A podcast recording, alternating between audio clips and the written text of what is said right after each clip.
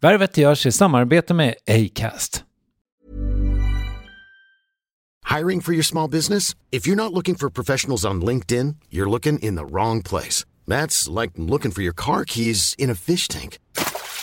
LinkedIn helps you hire professionals you can't find anywhere else, even those who aren't actively searching for a new job but might be open to the perfect role. In a given month, over 70% of LinkedIn users don't even visit other leading job sites. So start looking in the right place. With LinkedIn, you can hire professionals like a professional. Post your free job on linkedin.com slash people today. Wow. Nice. Yeah. What you're hearing are the sounds of people everywhere putting on Bombas socks, underwear, and t-shirts made from absurdly soft materials that feel like plush clouds. Yeah, that plush. And the best part? For every item you purchase, Bombas donates another to someone facing homelessness. Bombas. Big comfort for everyone. Go to bombas.com slash ACAST and use code ACAST for 20% off your first purchase. That's bombas.com slash ACAST. Code ACAST. There's never been a faster or easier way to start your weight loss journey than with PlushCare. PlushCare accepts most insurance plans and gives you online access to board-certified physicians who can prescribe FDA-approved weight loss medications like Wigovi and Zepbound for those who qualify. Take charge of your health and speak with a board-certified physician about a weight loss plan that's right for you. Get started today at plushcare.com slash weight loss. That's plushcare.com slash weight loss. plushcare.com slash weight loss. Värvet presenteras i samarbete med Nasonex, utomhusmöjliggöraren, som de inte kallar sig av någon märklig anledning. Men det är i alla fall Sveriges mest köpta antiinflammatoriska nässpray mot allergisk snuva. Och nu kommer ett litet test, så fram med papper och penna du som lyssnar, nu kör vi. Fråga 1. Vill du vara ute mer i naturen? Fråga 2. Sitter du framför en skärm lite för mycket? Fråga 3. Är du allergisk? Om du har svarat ja på någon av frågorna så tycker jag att du ska bege dig till beanoutsider.se. Jag vill för övrigt poängtera att Nasonex nässpray är ett receptfritt läkemedel från 18 år för behandling av symptom vid säsongsbunden och perenn allergisk snuva. Rådfråga läkare om du är eller tror dig vara gravid eller ammar eller om du planerar att skaffa barn, har en obehandlad infektion i näsan, nyligen har genomgått en näsoperation eller har en skada i näsan. Får ingen effekt inom 14 dagar eller om du redan använder läkemedel med kortison ska du kontakta läkare. Använd ej mer än tre månader utan läkarkontakt. Stort tack Nasonex och beanoutsider.se. Värvet sponsras av SAS Eurobonus och SAS Eurobonus Mastercard. Och det här är ett budskap som jag tänker kan vara bra för den som antingen gillar guldkant på till exempel tillvaron eller för den som gillar att slå två flugor i en smäll.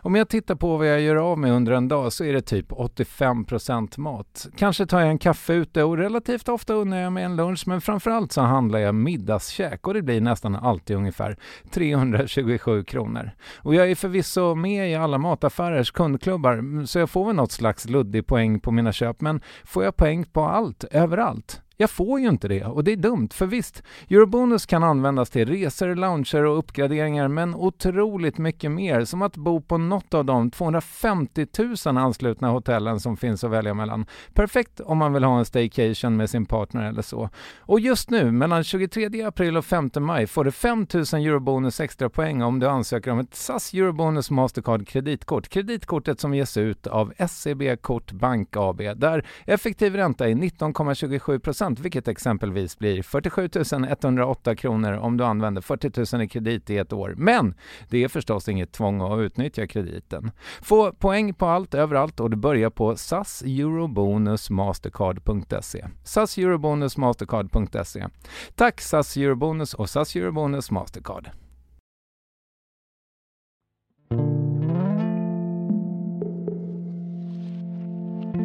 Alltså jag kunde inte åka tunnelbana till exempel. Eh, det, det, det var helt oöverstigligt.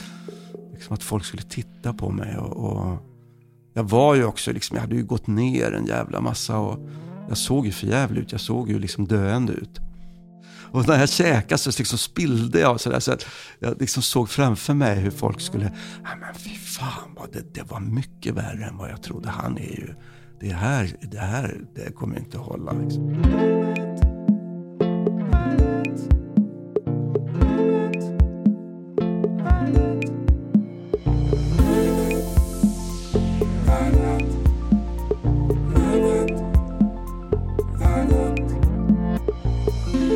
Nästa år fyller han 70 och sedan 80-talet har han fyllt svenska folket med glädje. Men om en stund ska vi konstatera att även om Johan Ulveson har haft lätt för humorn har han också haft behov av något annat. Den pendelrörelsen, rehaben när han inte kunde laga mat, hur han tacklar tristess och åldrande och varför värvet stör honom. Det är några av komponenterna i avsnitt 598 med Johan Ulveson. Jag ska ge dig en liten bakgrund. Eh, och det är ju det här som ju, tänker jag mig, har varit ditt, eh, en del av ditt yrke så himla länge. Nämligen att liksom på något sätt kartlägga känslor och kanske sätta namn på dem och eh, liksom förstå dem och, och förnimma dem. Eh, jag har precis börjat försöka förstå mig själv i, i, ur den aspekten. Ja. För jag har liksom inte tänkt, alltså jag, jag, har, jag har haft så dålig självkännedom när det kommer till känslolivet att jag liksom aldrig vet om ja. jag är deprimerad eller lycklig. Nej. Eller bajsnödig. Nej, eh. men visst, så kan det, så kan det vara, eh, tycker jag, liksom långa perioder i livet. Att man inte riktigt vet var man befinner sig, vem man är och Eh, alltså man tar inte ställning till någonting. Mm. Utan man går bara dit man brukar gå. Ja. Och sen går man hem dit man brukar bo. Mm. Och sen lägger man sig när man brukar lägga sig. Och kanske tittar på en serie. Mm. För att liksom eh, komma bort, slippa. Eh, ja, eskapism helt enkelt. Mm. Det, det, det, så är det tror jag. Det, mm. det tror jag tillhör eh, livet. Det får inte gå för långt. För då, då blir man ju lite lite död liksom. Lite, ja, som en, ja, som en halvdöd. Lite zombie. Så lite zombie, ja. Mm. ja.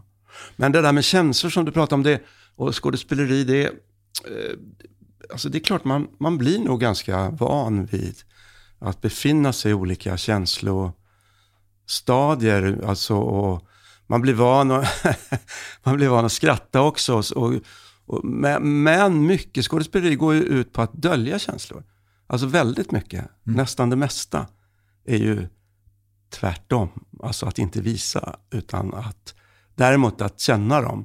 Men ofta, alltså i många situationer så visar man ju inte vad man känner. Och man visar inte vad man menar, man, man, man, man pratar, man säger ett och menar ett annat och så vidare. Och det är ju ofta det som är intressantast i just i teater, så är ju ofta det väldigt spännande. Men om man är då handelsresande i känslor, så att säga, eh, förtryckta känslor, ja. undertryckta, gör det att den där liksom zombie-tillvaron blir väldigt lockande då när man faktiskt får gå från jobbet och eh, stämplar ut så att säga? Ja, jag, jag, alltså jag, kan, jag vet ju inte, jag kan ju bara tala för mig själv, men det finns ett behov av det, att, att bara, bara sitta i soffan och, och liksom eh, titta på något som inte är allt för svårt att ta in. Mm. Uh, absolut, det, det, det, det, finns ett sånt behov. Eh, nu när jag eh, försökte liksom eh, närma mig din gärning så inser jag ju att den är så otroligt eh, omfattande. Liksom. Du har gjort jävligt mycket helt enkelt. Men när du ser tillbaka på dina år som yrkesperson då, vad det nu blir, ja, 40 plus år. Ja, något sånt mm. Finns det någon känsla som dominerar? Ja, ja det, alltså det, det är ju ändå på något sätt... Eh, Alltså det är ju humorn och komiken som, som dominerar. Alltså humorn är ju helt avgörande för mig som yrkesperson. Är det en känsla Johan? Uh, nej, du menar du vill ha en känsla? Mm. Ja. Oh, vad är känsla?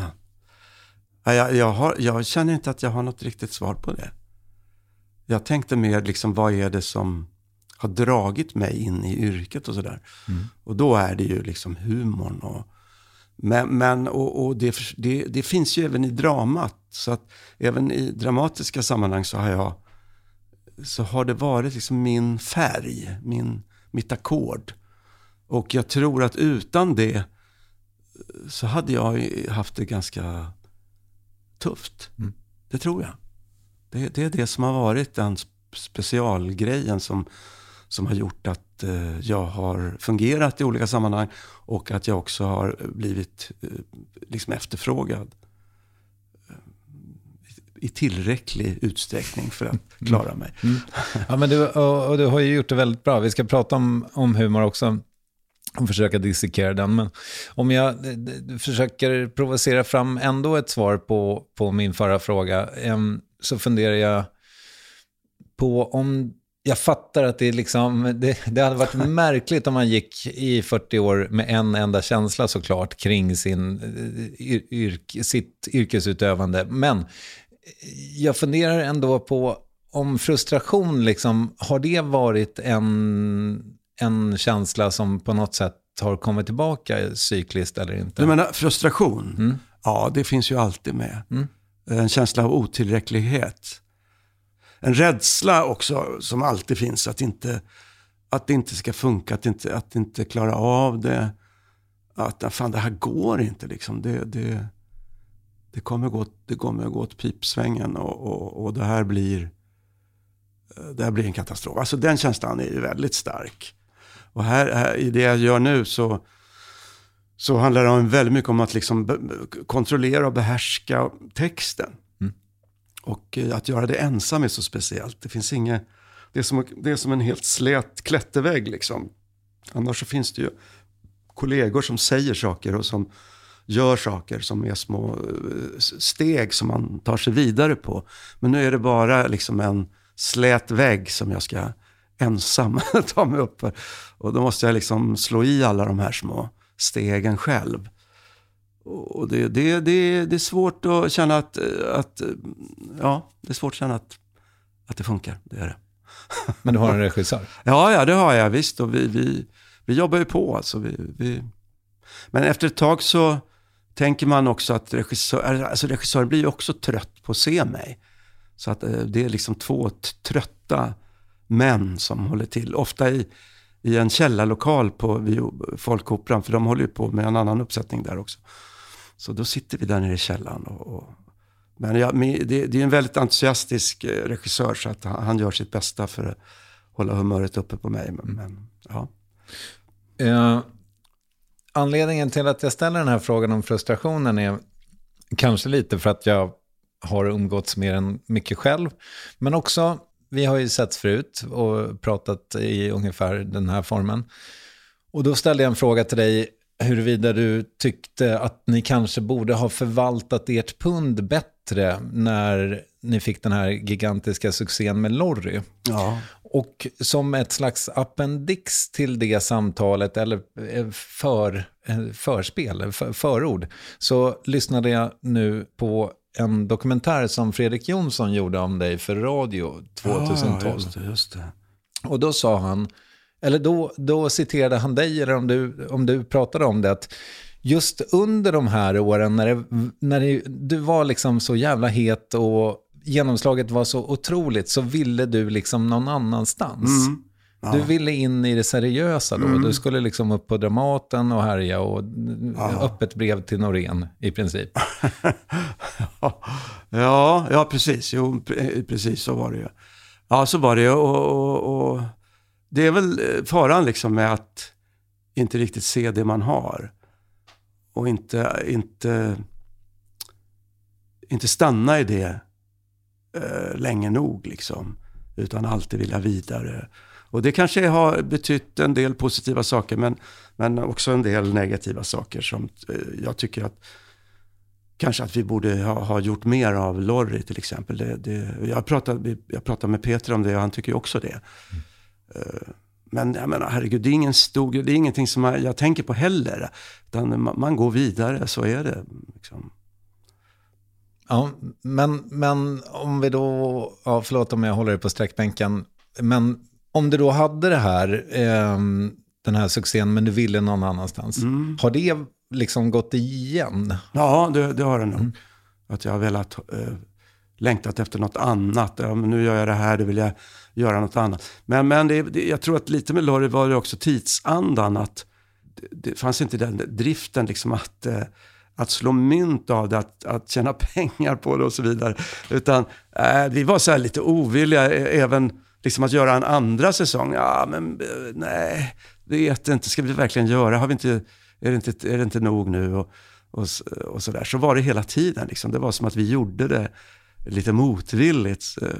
Men det var nog en, en attityd som, som fanns i tiden. Liksom. Men då när du har skickat ut det där i universum, så här, ja men visst, jag, jag, som ni ser så kan jag vara rolig, men det, nu vore det fett ifall jag fick göra någonting, liksom sätta tänderna i något allvarligare. Ja. Och sen så har ju du ofta fått de chanserna. ja, lite grann i alla fall har jag fått det. Absolut. Ja. Men känner du liksom, alltså den här pendelrörelsen då, är, är det liksom, är, behöver du den för Ja, jag, jag, jag behöver den tror jag. jag. Jag tycker det känns jättebra. Det blir så pretentiöst, men alltså. men, Det är så att man liksom håller sitt eh, instrument i trim. Och att inte fastna i att göra samma sak. Att upprepa de här liksom, gubbarna. Eh, utan att, eh, att liksom eh, vara öppen och börja om. Och, och att vara eh, nervös och, och att liksom vara nybörjare hela tiden när man, när man börjar med något nytt. Det är, det är jag ju inte och det vet jag ju, men, men det känns ju ändå så, alltså rent, rent mentalt. Inställningen till, till att jobba är, är, sån. Att det här är nå- något nytt, vi börjar om på nytt. Måste det vara svårt för att det ska vara kul? Nej, det, det kan vara kul att det är enkelt tycker jag. det kan vara kul, alltså att det är bara, men då är det ofta någonting som är roligt, alltså, som, är, som är enkelt. Riktigt enkelt är det ju aldrig, utan alltså att bemästra en publik, att bemästra en text, att, att få ihop det med en ensemble, det, det är ju alltid ett, ett hårt jobb, eller i alla fall ett jobb. Eh, Men det, alltså att det är lustfyllt betyder ju inte att det är på något sätt dåligt. Det tycker jag verkligen det kan vara. Men det kan också vara jävligt jobbigt. Och, och för jävligt bara. Och ändå bli någonting som eh, man är väldigt glad över till slut. Så kan det vara. Ja, eh, jag funderar dock på, liksom, ja, vad ska man säga, ett, ett löpande tema för mig i mina frågeställningar har varit liksom huruvida mina gäster har känt att de har stått vid rodret i sitt eget liv. Och då kan man ju fundera på varför, varför ställer jag den frågan så ofta? Varför har jag ställt den så många gånger under de här snart 12 åren som jag har hållit på med det här? Jo, gissningsvis för att jag kanske själv är orolig för att när jag ska summera min karriär, att jag inte har känt att jag har varit herre över Nej. mitt liv på något Men sätt. då kanske det, det, det kanske är så att din styrka inte ligger där. Alltså, jag, jag har ju inte varit det på det sättet att jag har ju alltid hängt på andra. Jag har liksom hamnat i sammanhang. Och jag måste ju säga att, att jag har haft en, en väldig tur. Alltså, och det handlar ju om tur och timing. Alltså att man är på rätt ställe, på rätt plats vid rätt tidpunkt.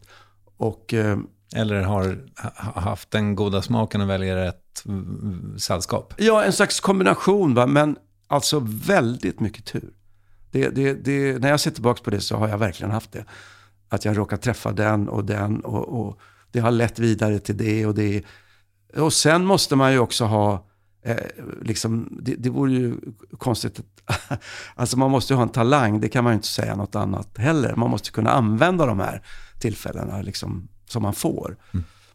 Och det, det är ju inte bara ett tillfälle man får, man får ju mm, ganska många. Så att det är inte så, men, men ja, jag har låtit, liksom jag har, jag har följt med väldigt mycket. Eh, Men sen ändå gör man ju sina egna val.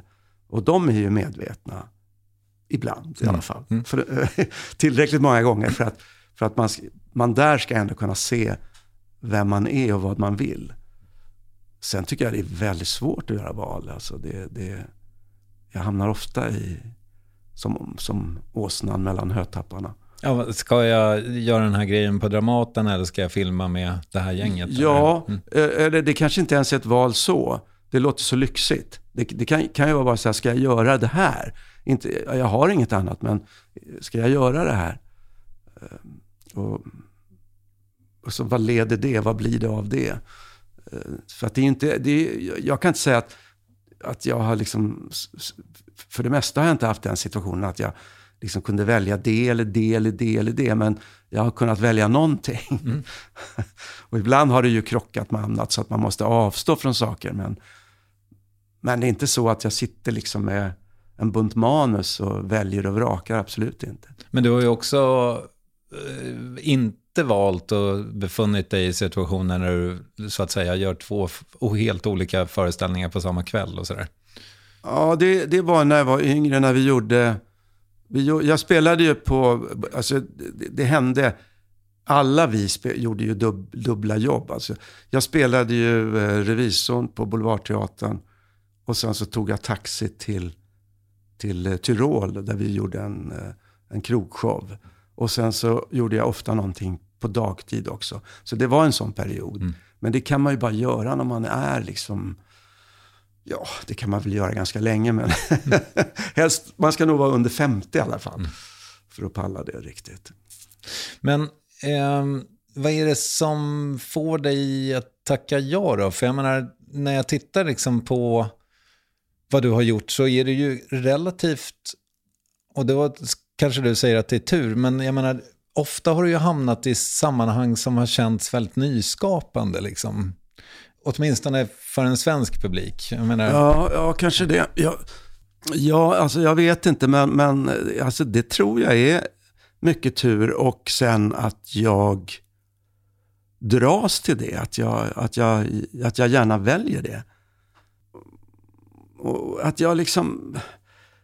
Det, jag vet inte, det kanske också handlar om när man kommer fram i tiden. Alltså jag började jobba på 80-talet. Och då får, får man kanske någon slags eh, värderingar vad som är viktigt och man är påverkad av andra och vad som händer. Och vad som händer konstnärligt, vad som händer politiskt och så vidare.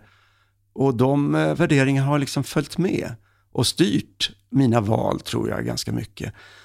Eh, och sen är det väl också det att eh, folk som har gjort sånt här har velat ha mig med. Så enkelt också är det. Mm. Mm att jag kanske inte kan liksom berömma mig själv bara för det, utan det är också att jag, jag har liksom dragit sådana människor till mig på något sätt. Just det. Så de har tänkt att ja, men den där kan vi ha användning för i det här sammanhanget. Mm. Och då är det väl, det vittnar väl, eftersom du nu, det här har varit ditt yrke och du har fått förnyat förtroende gång på gång i 40 plus år, så kan man väl tänka sig att du har varit en ganska bra lagspelare? Eller? Ja, jag tror, jag tror hyfsat bra, absolut. Mm. Absolut. Och, och, alltså jag kommer inte till ett arbete och tänker så här, det här kan jag. Jag ska tala om för de andra hur, hur det här ska gå till. Den känslan har jag inte i mig. Mm. Och det, det, det, är jag glad för. Det, för. För nu i den här åldern så känns det som en tillgång att jag inte att jag inte har den världsbilden så att säga. Mm. Mm. Ja, du har inte känt dig färdig? Nej, det gör jag definitivt inte. Och då är jag nyfiken med tanke på att du liksom fyller ändå relativt jämnt här någon gång i framtiden. Framtiden, ja. ja. I vår. Ja. Eh, samma här för övrigt, ja. men inte samma. Men igen. inte samma siffror. Nej. Eh, no, du, ligger, du har 20 års försprång. Ja, ja. Vi får se ifall jag kan komma ikapp. nej, men, eh, Lycka till. Tack. Eh, nej men då, vad fan vill jag med det? Jo, om du känner att du fortfarande lär dig eller växer i yrkesrollen, apropå pendelrörelser också kanske då. Nu ja. gör du en monolog på Folkoperan. Va, va, va, vart ska pendylen sen? Vet du det? Alltså, ja, vad jag ska göra vet jag. Ja, men vet du vart du vill också rent riktningsmässigt? Är det viktigt för dig att du vet det? Nej, inte, inte, inte för det mesta. Men det, det, ibland kan, kan jag ju känna att eh, det finns en tomhet. Att ja, men nu håller jag på för mycket med det här och då vill jag in i det här andra. Mm. Och det är ofta mellan drama och eh, komedi som, som, som det där, den där pendeln slår. Men alltså ibland känner jag väldigt mycket så här att eh, jag, vill, jag vill ditåt. Eh, jag, vill in, jag vill ha en, en dramatisk roll. Eh, fan, det vill jag ha nu. Jag vill ha det. Eh, men ofta så tar jag det som kommer i min väg. Mm. Det känns ofta bra. Folkoperan-föreställningen, jag har ju bara sett någon liten trailer på, ja. på någon hemsida. Liksom. Mm. Den känns ju inte comedy. Nej, den är inte comedy. Mm. Eh, men den har en, lätthet i, eller vi försöker åstadkomma en lätthet i sättet att uh, berätta som, som ändå har någon slags drag av, av, uh, av, av komedi. Mm. Alltså fast, fast ämnet är väldigt allvarligt och situationerna är allvarliga. Men sättet att berätta är enkelt och uh, faktiskt lättsamt. Det, det, så tänker vi. Det är en föreställning om Dmitrij Shostakovich. Ja, Shostakovich, ja. Tack. Ja. Uh, ja, det, de där ryska namnen, det är ju jättejobbigt. Jag, läste, jag pluggade ändå två år i ryska och satt och uh, how to pronounce. Uh, ja. Det gick ja. ändå inte. Nej, man får försvenska, för det gör man ju i alla andra sammanhang. Så att man får liksom hitta någon, mm. något som funkar helt enkelt. Och vad, eh, om du ska pitcha den här för mina lyssnare, vad handlar den om? Ja, det handlar om en tonsättare som var eh, en av eh, världens eh, mest hyllade tonsättare från, eh, vad ska man säga, från 30-40-talet fram över 50-60-talet.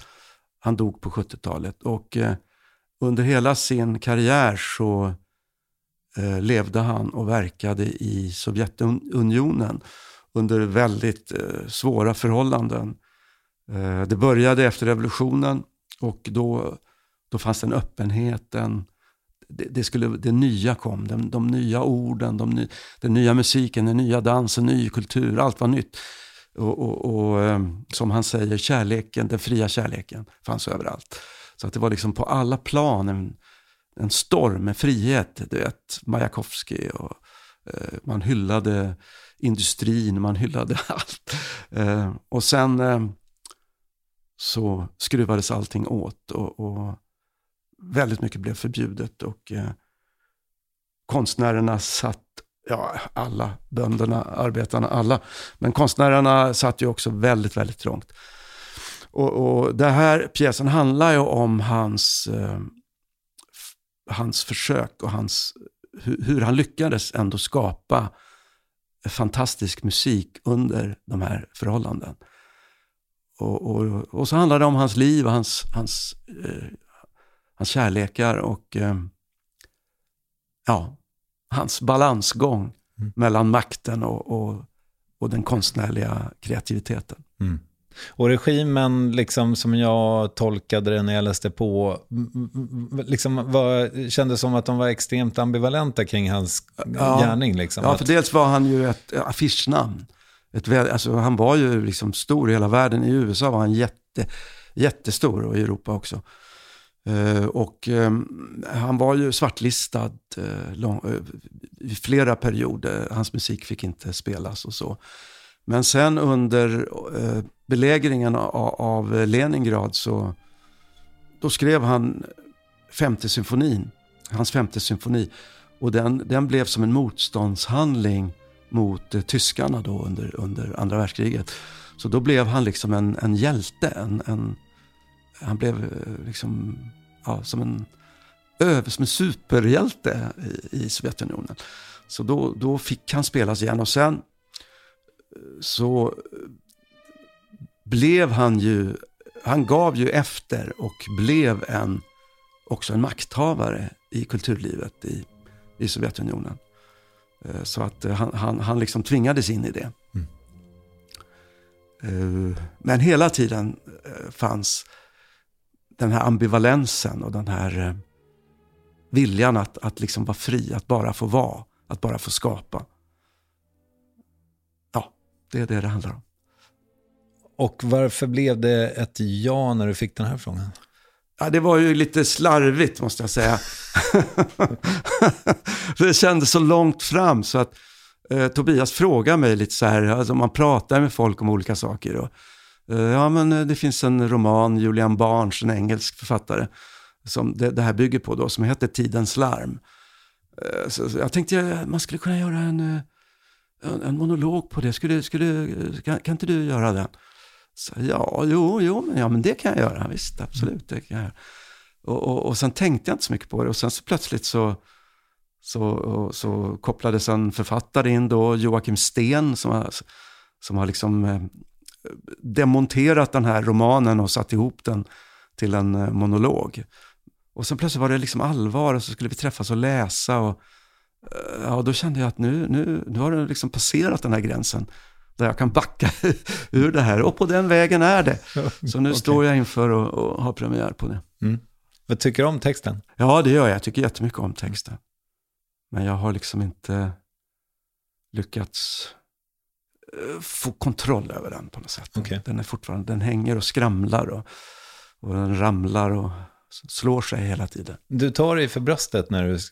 Alltså, sit, sitter texten i kroppen? Den, Ja, den sitter i kroppen och det är det som är svårt att hinna. Det är ju ganska, jag menar, jag, jag hade ju hela sommaren på mig att lära mig den här texten. Och, Men? eh, men det kommer saker emellan hela tiden. Och även om jag sitter med texten varje dag, eller det gjorde jag inte heller, men jag, jag vill ju att det ska vara så. eh, Så den går inte in förrän man börjar jobba med den. Den går liksom inte in, den, den fastnar inte. Man måste liksom gå runt och man måste ha olika handlingar.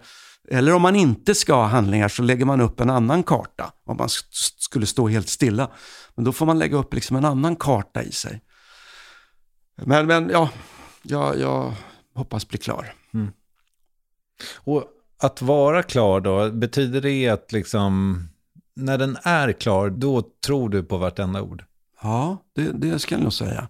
Det brukar, då brukar det verkligen sitta. Eh, Och det konstiga är att dagen efter man slutat spela, eller några dagar efter, då, då är den borta. Okej. Mm. Om jag inte vet att jag ska spela den igen om ett halvår. För då, då är det någonting som gör att den är lite kvar sådär och ligger och väntar. Men jag kommer inte ihåg gamla texter. Men om man så pass mycket har varit den liksom, och det, det, det ingår ju på något sätt i ditt jobb. Jag menar, man gör inte samma roll i 12 år i sträck liksom. Hur är du med det när flocken skingras? Ja, jag, jag är nog ganska osentimental. Men jag upplever att i mitt liv så, så är det en ganska jobbig grej. Att man hela tiden löser upp flocken som man har jobbat med. Och sen så, man har en relation men man kanske inte ses så mycket mer. Och sen går man till nästa sammanhang. Och, och, och, och det, det, det, det blir liksom att man inte har de här långvariga relationerna i någon större utsträckning.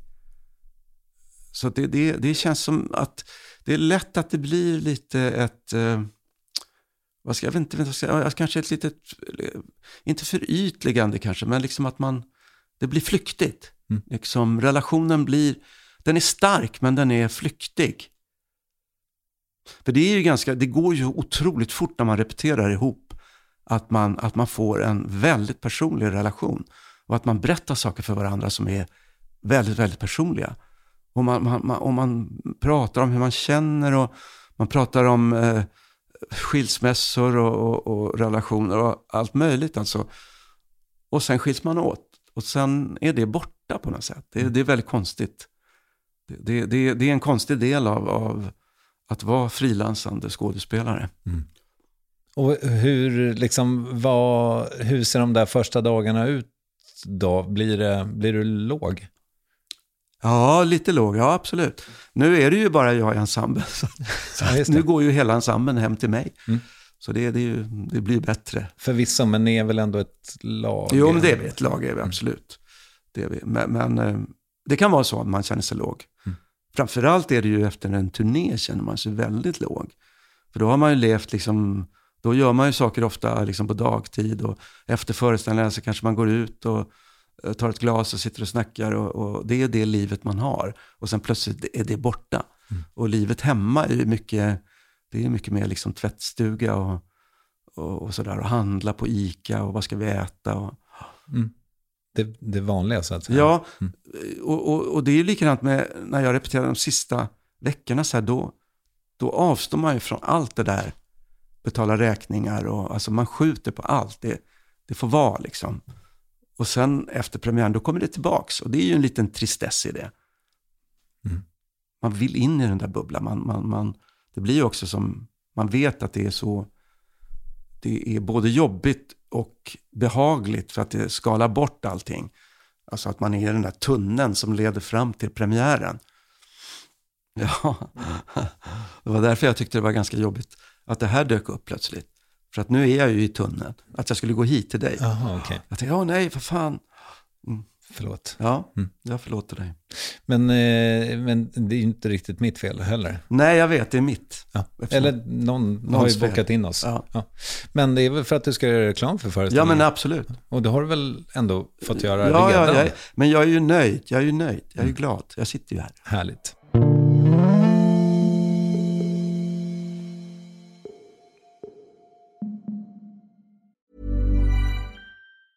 There's never been a faster or easier way to start your weight loss journey than with PlushCare. PlushCare accepts most insurance plans and gives you online access to board-certified physicians who can prescribe FDA-approved weight loss medications like Wigovi and Zepbound for those who qualify. Take charge of your health and speak with a board-certified physician about a weight loss plan that's right for you. Get started today at plushcare.com slash weight loss. That's plushcare.com slash weight loss. plushcare.com slash weight loss. I'm Sandra, and I'm just the professional your small business was looking for. But you didn't hire me because you didn't use LinkedIn jobs. LinkedIn has professionals you can't find anywhere else, including those who aren't actively looking for a new job but might be open to the perfect role, like me. In a given month, over 70% of LinkedIn users don't visit other leading job sites. So if you're not looking on LinkedIn, you'll miss out on great candidates like Sandra. Start hiring professionals like a professional. Post your free job on linkedin.com/people slash people today. Quality sleep is essential. That's why the Sleep Number Smart Bed is designed for your ever evolving sleep needs. Need a bed that's firmer or softer on either side? Helps you sleep at a comfortable temperature? Sleep Number Smart Beds let you individualize your comfort so you sleep better together. JD Power ranks Sleep Number number 1 in customer satisfaction with mattresses purchased in-store. And now save 40% on the Sleep Number limited edition Smart Bed for a limited time. For JD Power 2023 award information, visit jdpower.com/awards. Only at Sleep Number stores or sleepnumber.com. Du gav en intervju för ett par, tre år sedan kanske med Anders S. Nilsson som hade någon slags podcast som jag antar var relaterad till parlamentet. Ja, just det. Precis. Salig i åminne Ja. för övrigt. Vad tänker du kring det?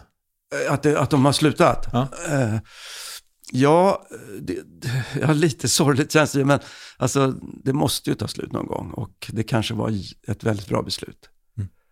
Så känner jag. Ja. Jag har ju slutat för ganska länge sedan, eller i alla fall för några säsonger sedan. Jag kände att det gick inte att upprepa sig mer. Det var, det, det, det var inte lustfyllt att gå dit. Nej, eh, det var det inte. Och det har ju varit. Det har ju varit väldigt roligt och, och sådär. Men men, eh, det, det, det kändes inte lustfyllt och då, då kan man inte fortsätta. Hur som helst, eh, ni pratar om någonting som du har fått prata om kanske orimligt mycket på senare år. Inte med mig dock, så att det kanske hände efter att du och jag hade träffats, men den här Ja, TBE-perioden, det. liksom, Ja. när du var borta i tio månader, Ja. nedsövd i 18 dagar Mm. och så vidare. Och jag tänkte egentligen inte fastna i den, men ha- han vittnar ju om som kollega att det var, fanns ett före och efter med dig. Alltså att du tog lättare på uppgiften post din sjukdomsperiod, så att säga. Ja, det, det, det, det, det kan vara så. Jag, jag har lite svårt att veta det, alltså känna det. Men eh, det, det kan nog vara så. Det kanske har försvunnit lite av det med tiden har gått efter, medan tiden har gått efter.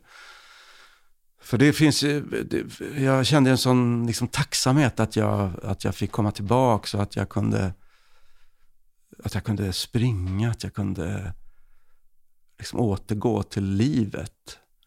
Det, det var inte så självklart faktiskt, alls. Eh, så att jag, det, det, det hängde nog i ganska länge. Och jag vet inte riktigt om det fortfarande hänger i.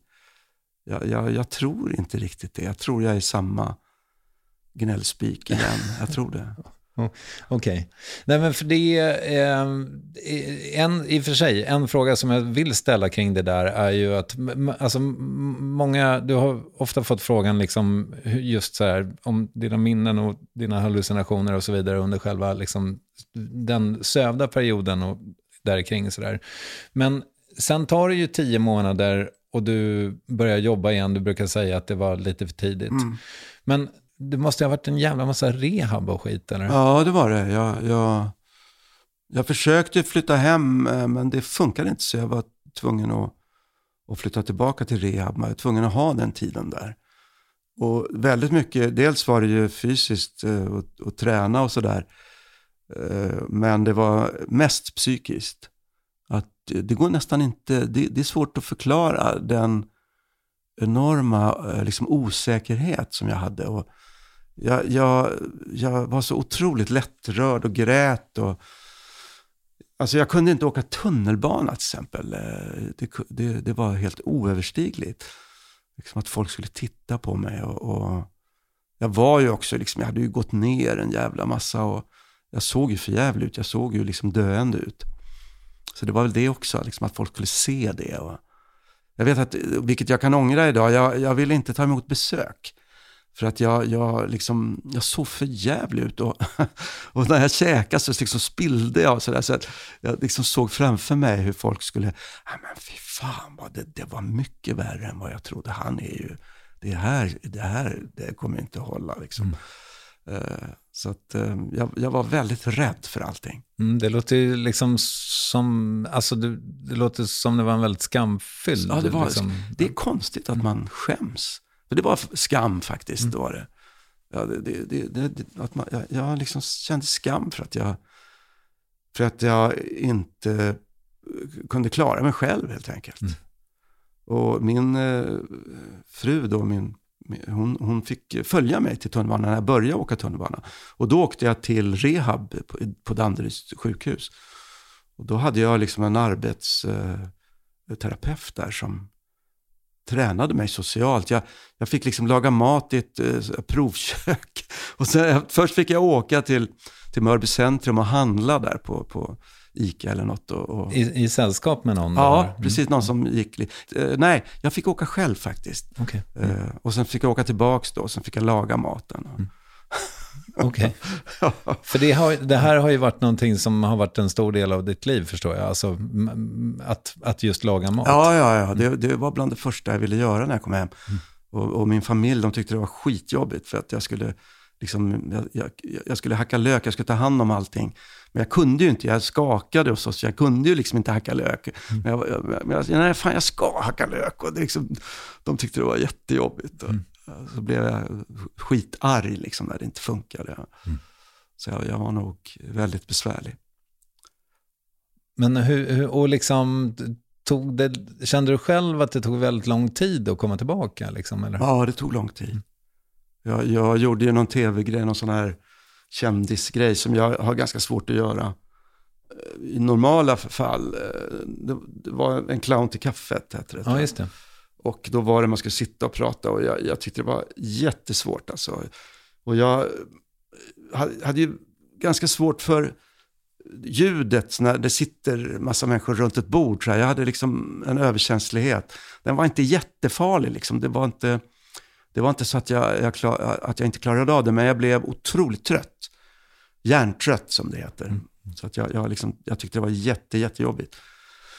Men lyckades ta mig igenom det där. Och sen så dröjde det länge, alltså många veckor innan jag, jag kommer inte ihåg det första, jag tror att det var Göteborg i, i Tartuffe. Som Tobias för övrigt gjorde, som jag jobbar med nu. Ska vi ge honom ett efternamn? Eh, Tobias Theorell, eh, som, som är regissör till Tidens larm också. Han gjorde Tartuffe eh, nere i Göteborg och där var jag med. Och det, då kände jag att ja, men nu, nu, nu funkar det, liksom. nu, nu klarar jag av det här, nu kan jag jobba.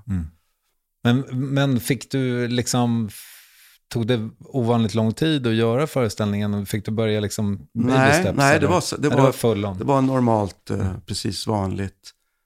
Kanske fick jag jobba lite mer, alltså plugga lite mer och vara lite mer noga. Det var också, det var också alexandriner, vers alltså. Ja, just det. Mm. Eh, Så då, är man, då måste ju man vara väldigt noga och man, man, slutet på min replik ska min mot, medspelare rimma på. Så att det, det, liksom, det går inte att byta ord och sådär, så att allting är väldigt exakt. Vilket var väldigt skönt för min lite trötta hjärna, att jag slapp liksom tänka på alternativ, utan det var det här som, som, som gällde. Det är den här repliken som, ska, som det ska sättas liv i. Mm. För ibland kan man liksom hålla på att ändra och du vet. Men det kunde man inte, så det var, det var nog en bra rehab för mig, för min hjärna. Men det där med, för nu tänker jag mig, vi har pratat om det jättemycket hemma, nu är det ingen av oss, gudskelov, som har haft TB eller så, men vi har pratat väldigt mycket om hur mycket våra barns, vi har en 12-åring och en 14-åring, hur mycket deras hjärnor utsätts för under Ja. en normal dag. För jag menar, min son är, går i nian nu, och kommer hem och är verkligen som en utskiten trasa. Liksom. Och sen så är det, så är det då ett, ett par timmars plugg eh, när han kommer hem och sen så ska han iväg på lång basketträning och så, du vet, så ska man kasta in en middag där någonstans Ja. i mitten. Liksom. Jag förstår att han är helt slut. Ja, men verkligen. Men så är det ju liksom hela västvärlden, antar jag, som dessutom på den här belastningen sitter med sina smartphones i fyra, fem timmar om dagen. Ja, Vilket ju givetvis gör hjärnan ännu tröttare. mm, verkligen. Då funderar jag, liksom, med din erfarenhet här, hur har du, liksom, vad, vad gör du för att återhämta dig? Är det, är det viktigt för dig? Ja, jo det är det. Jag, jag, jag, kan, jag kan lata mig ganska bra. Och liksom återhämta mig på det sättet. Och när, när jag jobbar och bakom scen även så är jag ganska bra på att bara sitta. Och, och bara vänta. Och, och, och försöka slappna av liksom. Så det, det, är väl, det har jag väldigt stort behov av. Men rent sådär, jag, jag, har ingen, jag har ingen hobby. Jag har ingenting som, som hjälper mig, eh, som, som är en plats dit jag kan eh, liksom, eh, hämta kraft.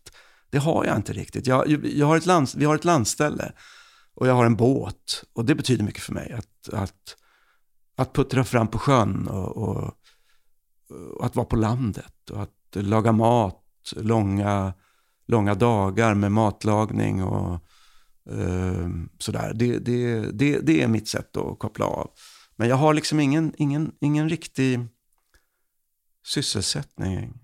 Ja, men för det där har jag också känt med, eh, jag har ju, nu har jag, håller jag på att försöka lägga om det här och, och jag, jag tror att det kallas för att man dopamindetoxar. Jaha, okej. Alltså, det vill säga att man tar bort väldigt mycket Ja, intryck ja. då. I mitt fall jättemycket telefon. Men även i de perioderna jag har känt mig som mest trött, så många par tror jag grälar liksom kring, ja men fan det är din tur att laga mat, du Mm, får gå till ICA nu liksom. Och, och för mig är det min återhämtning, att gå till mataffären Ja, och kolla, liksom, känna Mm. och, och Ja. sådär, oj oj oj, det var jävla bra pris på lammlägg. ja. Eh, nu gör vi en tahin. Och sen att gå hem, ja det, och det kan ju vara otroligt. Mm. Ja. Eh, nej men, eh, och sen gå hem och stå där. Mm. Ehm, Ja, men det, det, det, så känner jag också. Jag gillar inte egentligen att handla, men jag gör det för att jag litar inte på att någon, annan handlar rätt varor och eh, får med sig allting sådär. Men, men eh, laga mat för mig, det är, det är en avkoppling. Det är det. Absolut, så där är vi lika. ja, det är underbart. Jag, jag, jag, jag har också jätteproblem med det där med telefonen. Och jag har bestämt mig många gånger för att nu måste jag sluta. För att det är ju så, jag, jag läser ju otroligt mycket mindre skönlitteratur på grund av mobilen. Vad gör du med den då? Ja, men jag bara surfar runt på olika sidor. Jag läser en massa tidningar och jag tittar på båtar som jag inte kommer att köpa. Jag kollar på Hemnet fast jag inte kommer att eh, flytta. Inte några planer på att flytta. Eh, Jag har liksom eh, Serious Eats kan man ju eh, förlora sig i och man kan kolla på eh, vad heter han, Jacques Papin på YouTube eller alla de här kockarna. Och, ja, det finns massvis. Det här med dopamin, det skulle jag vilja prata lite mer om. För att du hade ett samtal med Anneli Rydé i radion Ja. för ett par, tre Ja, år sedan ja, kanske. sånt, Ja. Eh, om musikens betydelse eh, på 60-talet visar vi eh, idag. Mm. Liksom. Och eh, för lyssnarna kan vi kanske säga att, ja, vill du sätta ord på det? Hur då menar du att... Eh... Nej, men vad, eh, hur, hur, vad musiken innebar för dig 1964? Ja, ja, men det var ju som en, eh, en revolution i huvudet, som man säger. Mm. Eh, det går inte att begripa. Det, det, det fanns liksom ingenting innan. Det fanns fotbollar, cyklar och badstränder, långa sysslolösa dagar. några, några serietidningar, Kalanka kanske. Mm. Enligt eh, Blyton. Ja, enligt Blyton. Det fanns ju verkligen. Mm. Fem böckerna, det, det var ju fantastiskt. Tyckte jag då på den tiden. Eh, och sen smällde det till. Jag kommer ihåg alltså när Beatles var med i Drop In. Jag tror att Lill-Babs var med i samma program. Eh, och det var som, eh, dagen efter var allt förändrat. De som avslutar kvällens program, det är en grupp som vi nämnt redan tidigare i programmet. Och eh, gruppen består av fyra grabbar från England, närmare bestämt Liverpool. Och den låt som de nu ska börja med, den heter She Loves You.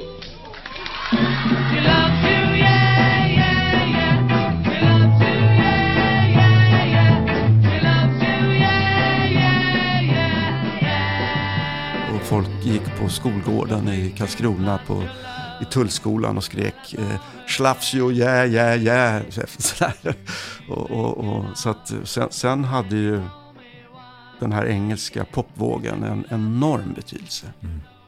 Och sen så eh, lärde man sig de amerikanska banden. Och, men eh, i och med digitaliseringen och, och liksom att man streamar och så, så har jag på något sätt halkat ur musiklyssnandet. Fast det är inte bara du Johan, utan det har ju även våra unga. Det, det finns ju liksom, min, min son då återigen, han är otroligt duktig på att lära sig raptexter. Ja, ja. Vilket ju är skithäftigt att höra honom rappa med en hel låt med mm. Drake så att säga.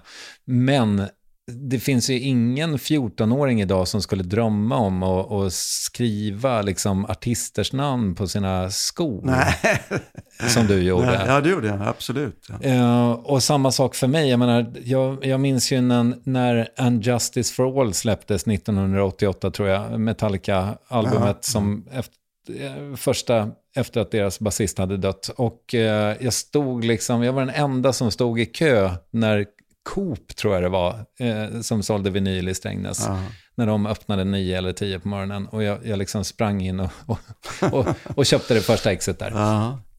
Eh, det betydde ju någonting att man sparar ihop pengar till en, en eh, grammofon. Ja, liksom. ja, det betyder någonting att man cyklar ner, köper den där mm. skivan, åker hem, sprättar upp plasten, mm. lägger den på skivtallriken. Mm och så har man liksom då den här eskapismen som vi började med att ja. prata om under liksom, ja, 35 minuter. Och sen så måste man gå till skolan, så ja. kan man inte lyssna på den. Nej, just det. Så får man längta. Men det är också det att man, man lyssnade på det formatet, LP-formatet, om och om igen. Så att eh, de låtarna man inte gillade, de växte. Så var det de man gillade. Och, och Alltså det sättet lyssnar man, jag i alla fall, väldigt sällan på musik. Att jag lyssnar på en hel LP eh, om och om igen, eller en hel skiva om och om igen. Nej, men det är liksom någon slags begränsningarnas magi. Ja, precis. precis. Och var, att man väljer liksom. Mm. Men det, det som är skönt med, med, med Spotify, det är om man läser någonting om om någon så, så kan man direkt bara gå in och lyssna. Det är ju lite eh, coolt måste jag säga. Ja, det gjorde jag med ditt och Anneli Rydés program där, att jag gick raka vägen in på Spotify och ja. lyssnade på eh, Prince version av Case of You. Ja, just det. Som jag inte håller med om är bättre än originalet. Nej, okej. Okay. Men, men, okay. Eh, men visst. Ja. Eh, men jag tänker mig att det är ju samma sak egentligen med, inte scenkonsten såklart, för det, det ligger ju i dess mm. begränsning. Men med tv, jag menar, när jag var ung, då var det ju någonting bra på tv eller radio en timme i veckan mm, kanske. Mm. Och nu är det otroligt mycket bra ja. dygnet runt. Och mycket hela dåligt. tiden. Ja, ja, ja självklart. Mm. Det är ett otroligt utbud. Så allting försvinner, eller väldigt mycket försvinner i utbudet. Yes, och det går liksom inte att, att antar jag, alltså, få ett genombrott heller i din bransch på samma sätt Nej, som du det, då? det är mycket, mycket svårare. Mm. Det, det är jättesvårt. Det är väldigt få. Gör det någonting, vad, vad tänker du kring det? Är det, är det, är det lite synd eller? Jo, det, det, det, jag tycker att det är, är synd. Samtidigt finns det ju eh, fler arbetstillfällen kan man säga. Men det betyder mindre. Mm. Eh, Det, det, det, det, det är sant. Jag, jag, jag vet inte riktigt. Man måste ju säga också att det, det, det görs ju väldigt mycket som är väldigt bra. eh, Som inte fanns när, när jag växte upp. Alltså det är en kvalitet på många serier som, som är ju som en riktigt bra film. Och det, det, det fanns ju knappt. Det, det, det kanske fanns några, men, men inte, inte många sådana produktioner. Så att det, det, det är ju inte så att allting har blivit sämre. Men det är ju väldigt mycket svårare liksom att orientera sig i, i allt det här. Det är ganska mycket, det är ganska ofta som det finns också guldkorn som, som bara försvinner. Ja. Just för att man inte logaritmen eller algoritmen eller vad det heter plockar upp det Ja. och serverar det till oss. Ver- Verkligen. Och det konstiga är att eh, inte egentligen rollbesättningarna blir mer fantasifulla när det gör så mycket. Utan ändå är, är bolagen, produktionsbolagen liksom eh, jätteförsiktiga när de rollsätter. Eh, när man gör så här mycket så skulle man ju önska att de hittade fler hästar att satsa på. Va, va, ja, okej. Så att du menar att det faktum att, eh, så att säga, Robert Gustafsson bokar väldigt mycket jobb fortfarande.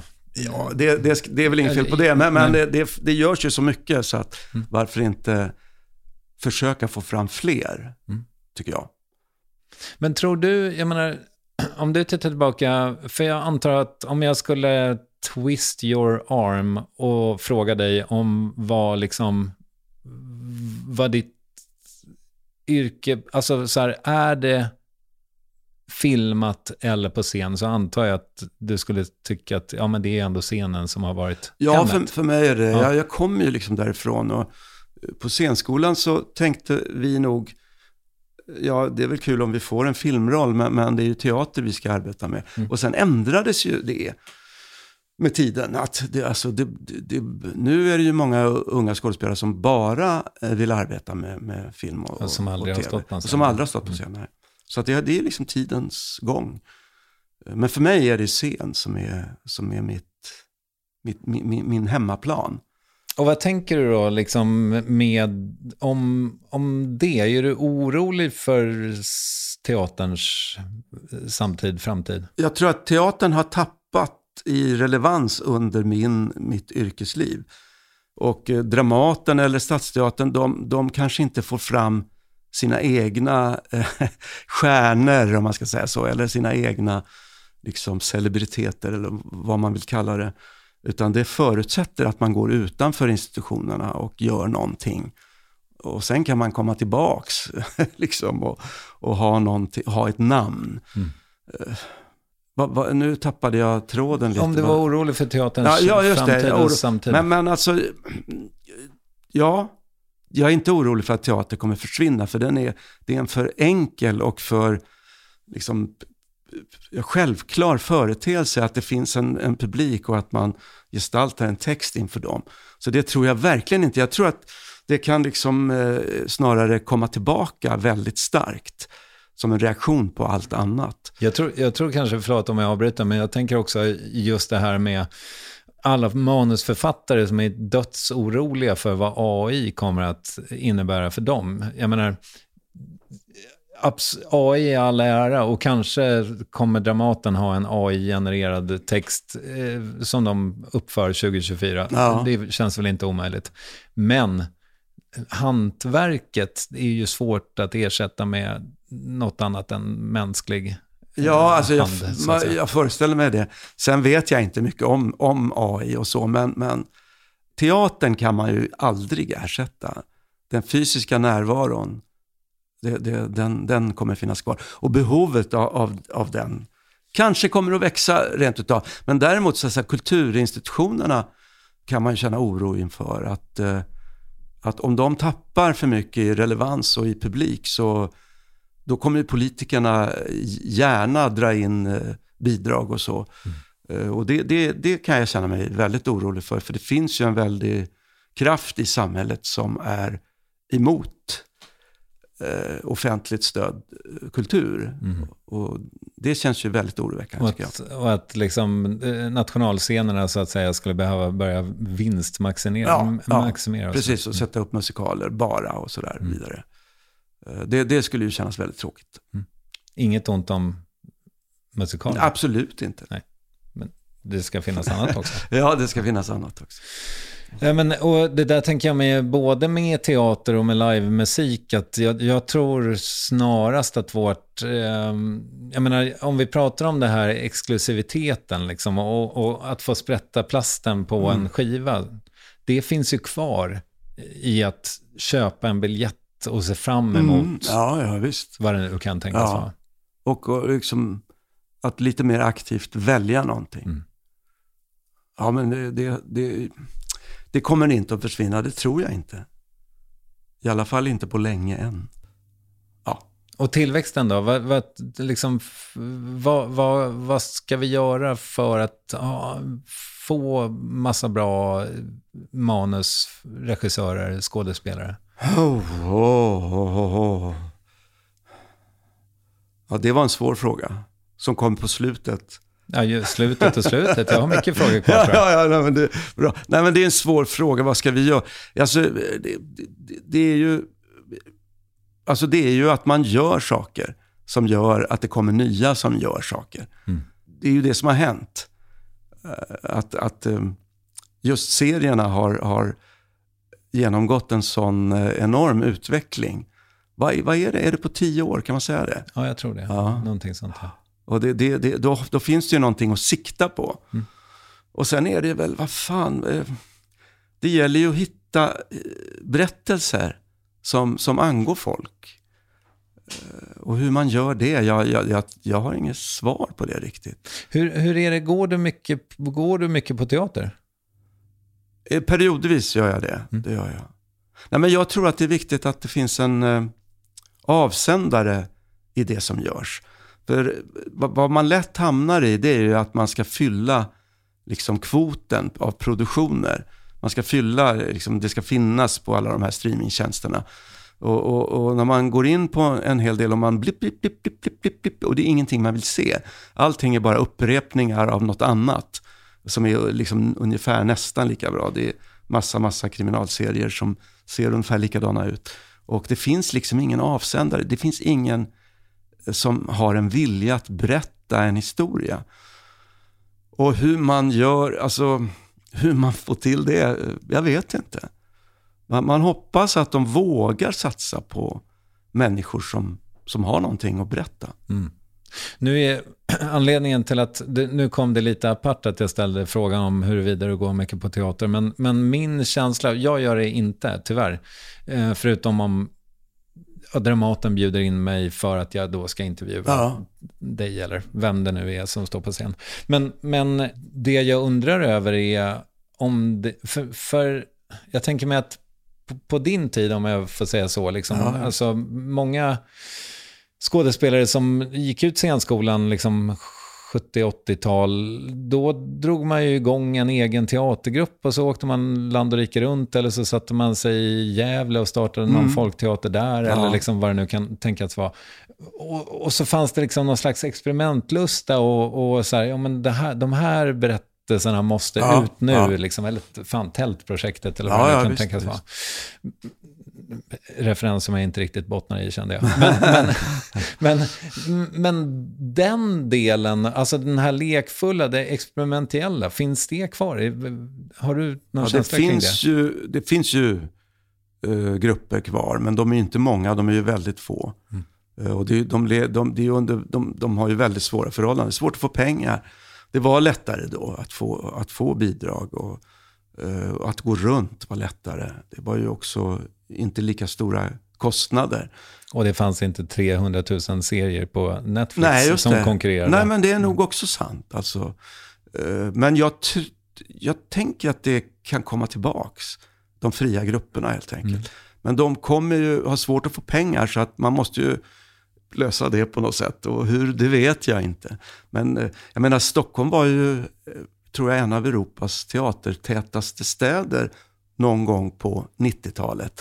Men det är ju helt borta. De är ju bortblåsta. Eh, Det har ju blivit cykel, cykelaffärer och Bröd och salt. Ja, Mm. bröd och salt. Och, men nu har ju Boulevardteatern startat upp igen på, på Götgatan. Så det, det känns ju som en, som en liten stormsvala. Nu kommer de tillbaks. Låt oss hoppas. Jag funderade på det här med att om man ska göra en omelett så behöver man ju liksom ägg, Ja. skvätt vatten och salt och peppar. Ja. Vad behöver du för att vara rolig? Jag behöver ett manus som är roligt. Eh, verkligen. Det, det blir... Det, det, det, kanske, det kanske är liksom en, en plattityd, men det blir inte roligare än manuset. Det kan bli lite roligare än manus, men oftast inte. Oftast ska man vara glad om man kommer upp till manusets eh, nivå. För jag, jag tycker ofta när, men när komediserier är inte bra, vilket de ofta inte är, så har man inte tagit hand om varje sak i manuset. Man har inte fått fram alla saker, utan det bara zupp, liksom, man kör över allting. Och det, är ju, det kan man ju se på eh, också ganska dåliga komediserier från USA. Att där gör de inte det. De, där är alla roligheter. Där sitter den, där sitter den. Och sen kan man tycka att det är tråkigt för att det, det, det är inte så bra manus. Men alltså, de är väldigt bra på att få fram allting för att det blir tydligt. Eh, Så att de använder råvaran till produktionen. Okej. Mm. Men, men att det då av tidsnöd eller att det slarv eller... Jag tror, ja, tids, ja och lite kanske omedvetenhet, tycker jag. Mm. Att man tror att det är roligt bara man säger det liksom. Men man måste lyfta olika saker för att det ska bli roligt. Jag tänker mig så här, det här är en så jävla konstig, men eventuellt smart fråga. Ehm, Men du har givit så mycket när det kommer till humor. Vi, liksom, du har fått en hel nation att skratta sig blå. Har du fått tillbaka? Ja, det tycker jag. Det tycker jag. Va, hur ser den liksom, transaktionen ut? Nej men det är, alltså enkelt uttryckt så har jag ju kunnat leva på det här under ett yrkesliv. Mm. Och det är ju nog. Mm. Det, det, det är ju ganska, det får man vara tacksam över. Så att det, det känner jag verkligen. Och sen får man ju tillbaka, eh, jag menar om vi spelar revy på Scalateatern så då får vi tillbaka varje kväll av, av publiken. Det, det, så är det. Fan, det var, det, jag är så ledsen nu när jag har hört mycket om den, att jag missade den. Ja, ja. men vi är på väg att göra en ny. ja vad kul. Ja. Eh, men du, eh, du, du var lite på det här. Eh, alltså det här med att fylla då 70 i Ja, ditt fall. ja. Vad gör det med dig? Det, det, ja, men det, är som, det är ju inte mycket att göra åt. Det, det är ju som det är. Mm. Och eh, det är någonting man, man faktiskt inte kan ändra. Man kan inte bestämma vilken ålder man är. Det, det, det är ju synd på ett sätt, men det är också tur tror jag. Mm. För annars skulle vi ha typ 11-åringar som sitter i regeringen. och Ulf Kristersson skulle kanske vara med i någon vargungegrupp eller någonting.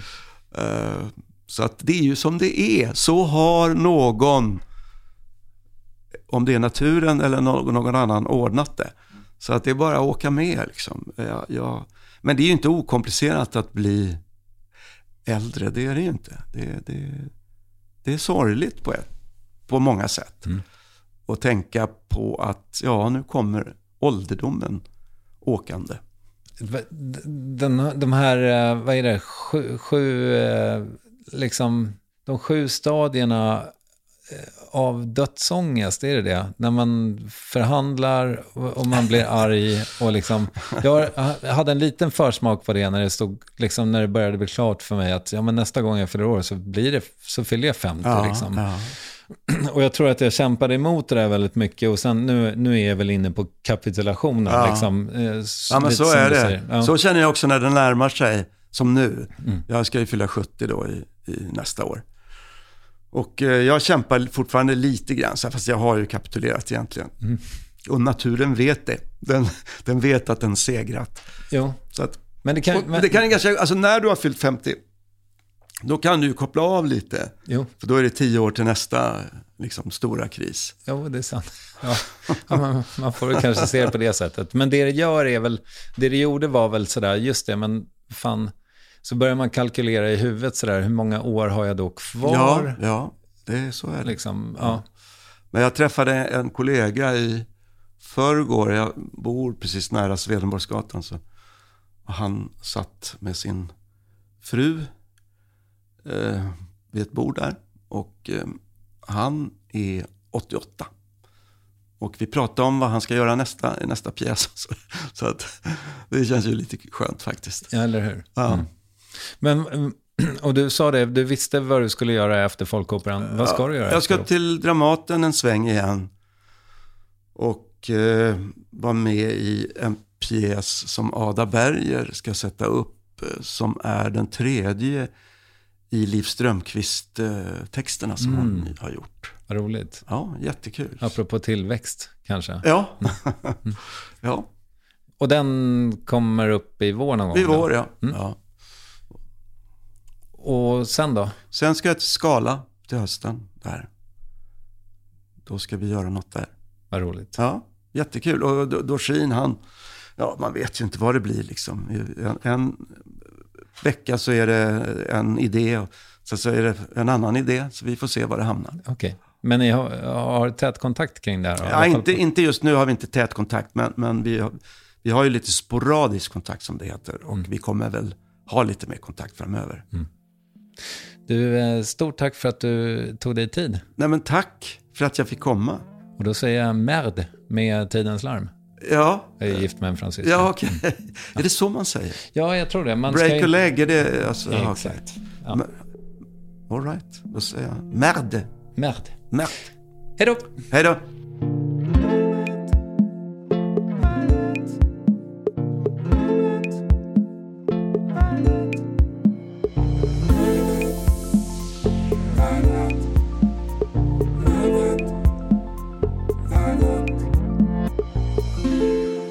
Men Johan Ulveson och premiären verkar ha gått bra. Fina recensioner och Tidens larm spelas hela november på Folkoperan i Stockholm. Vi ses där.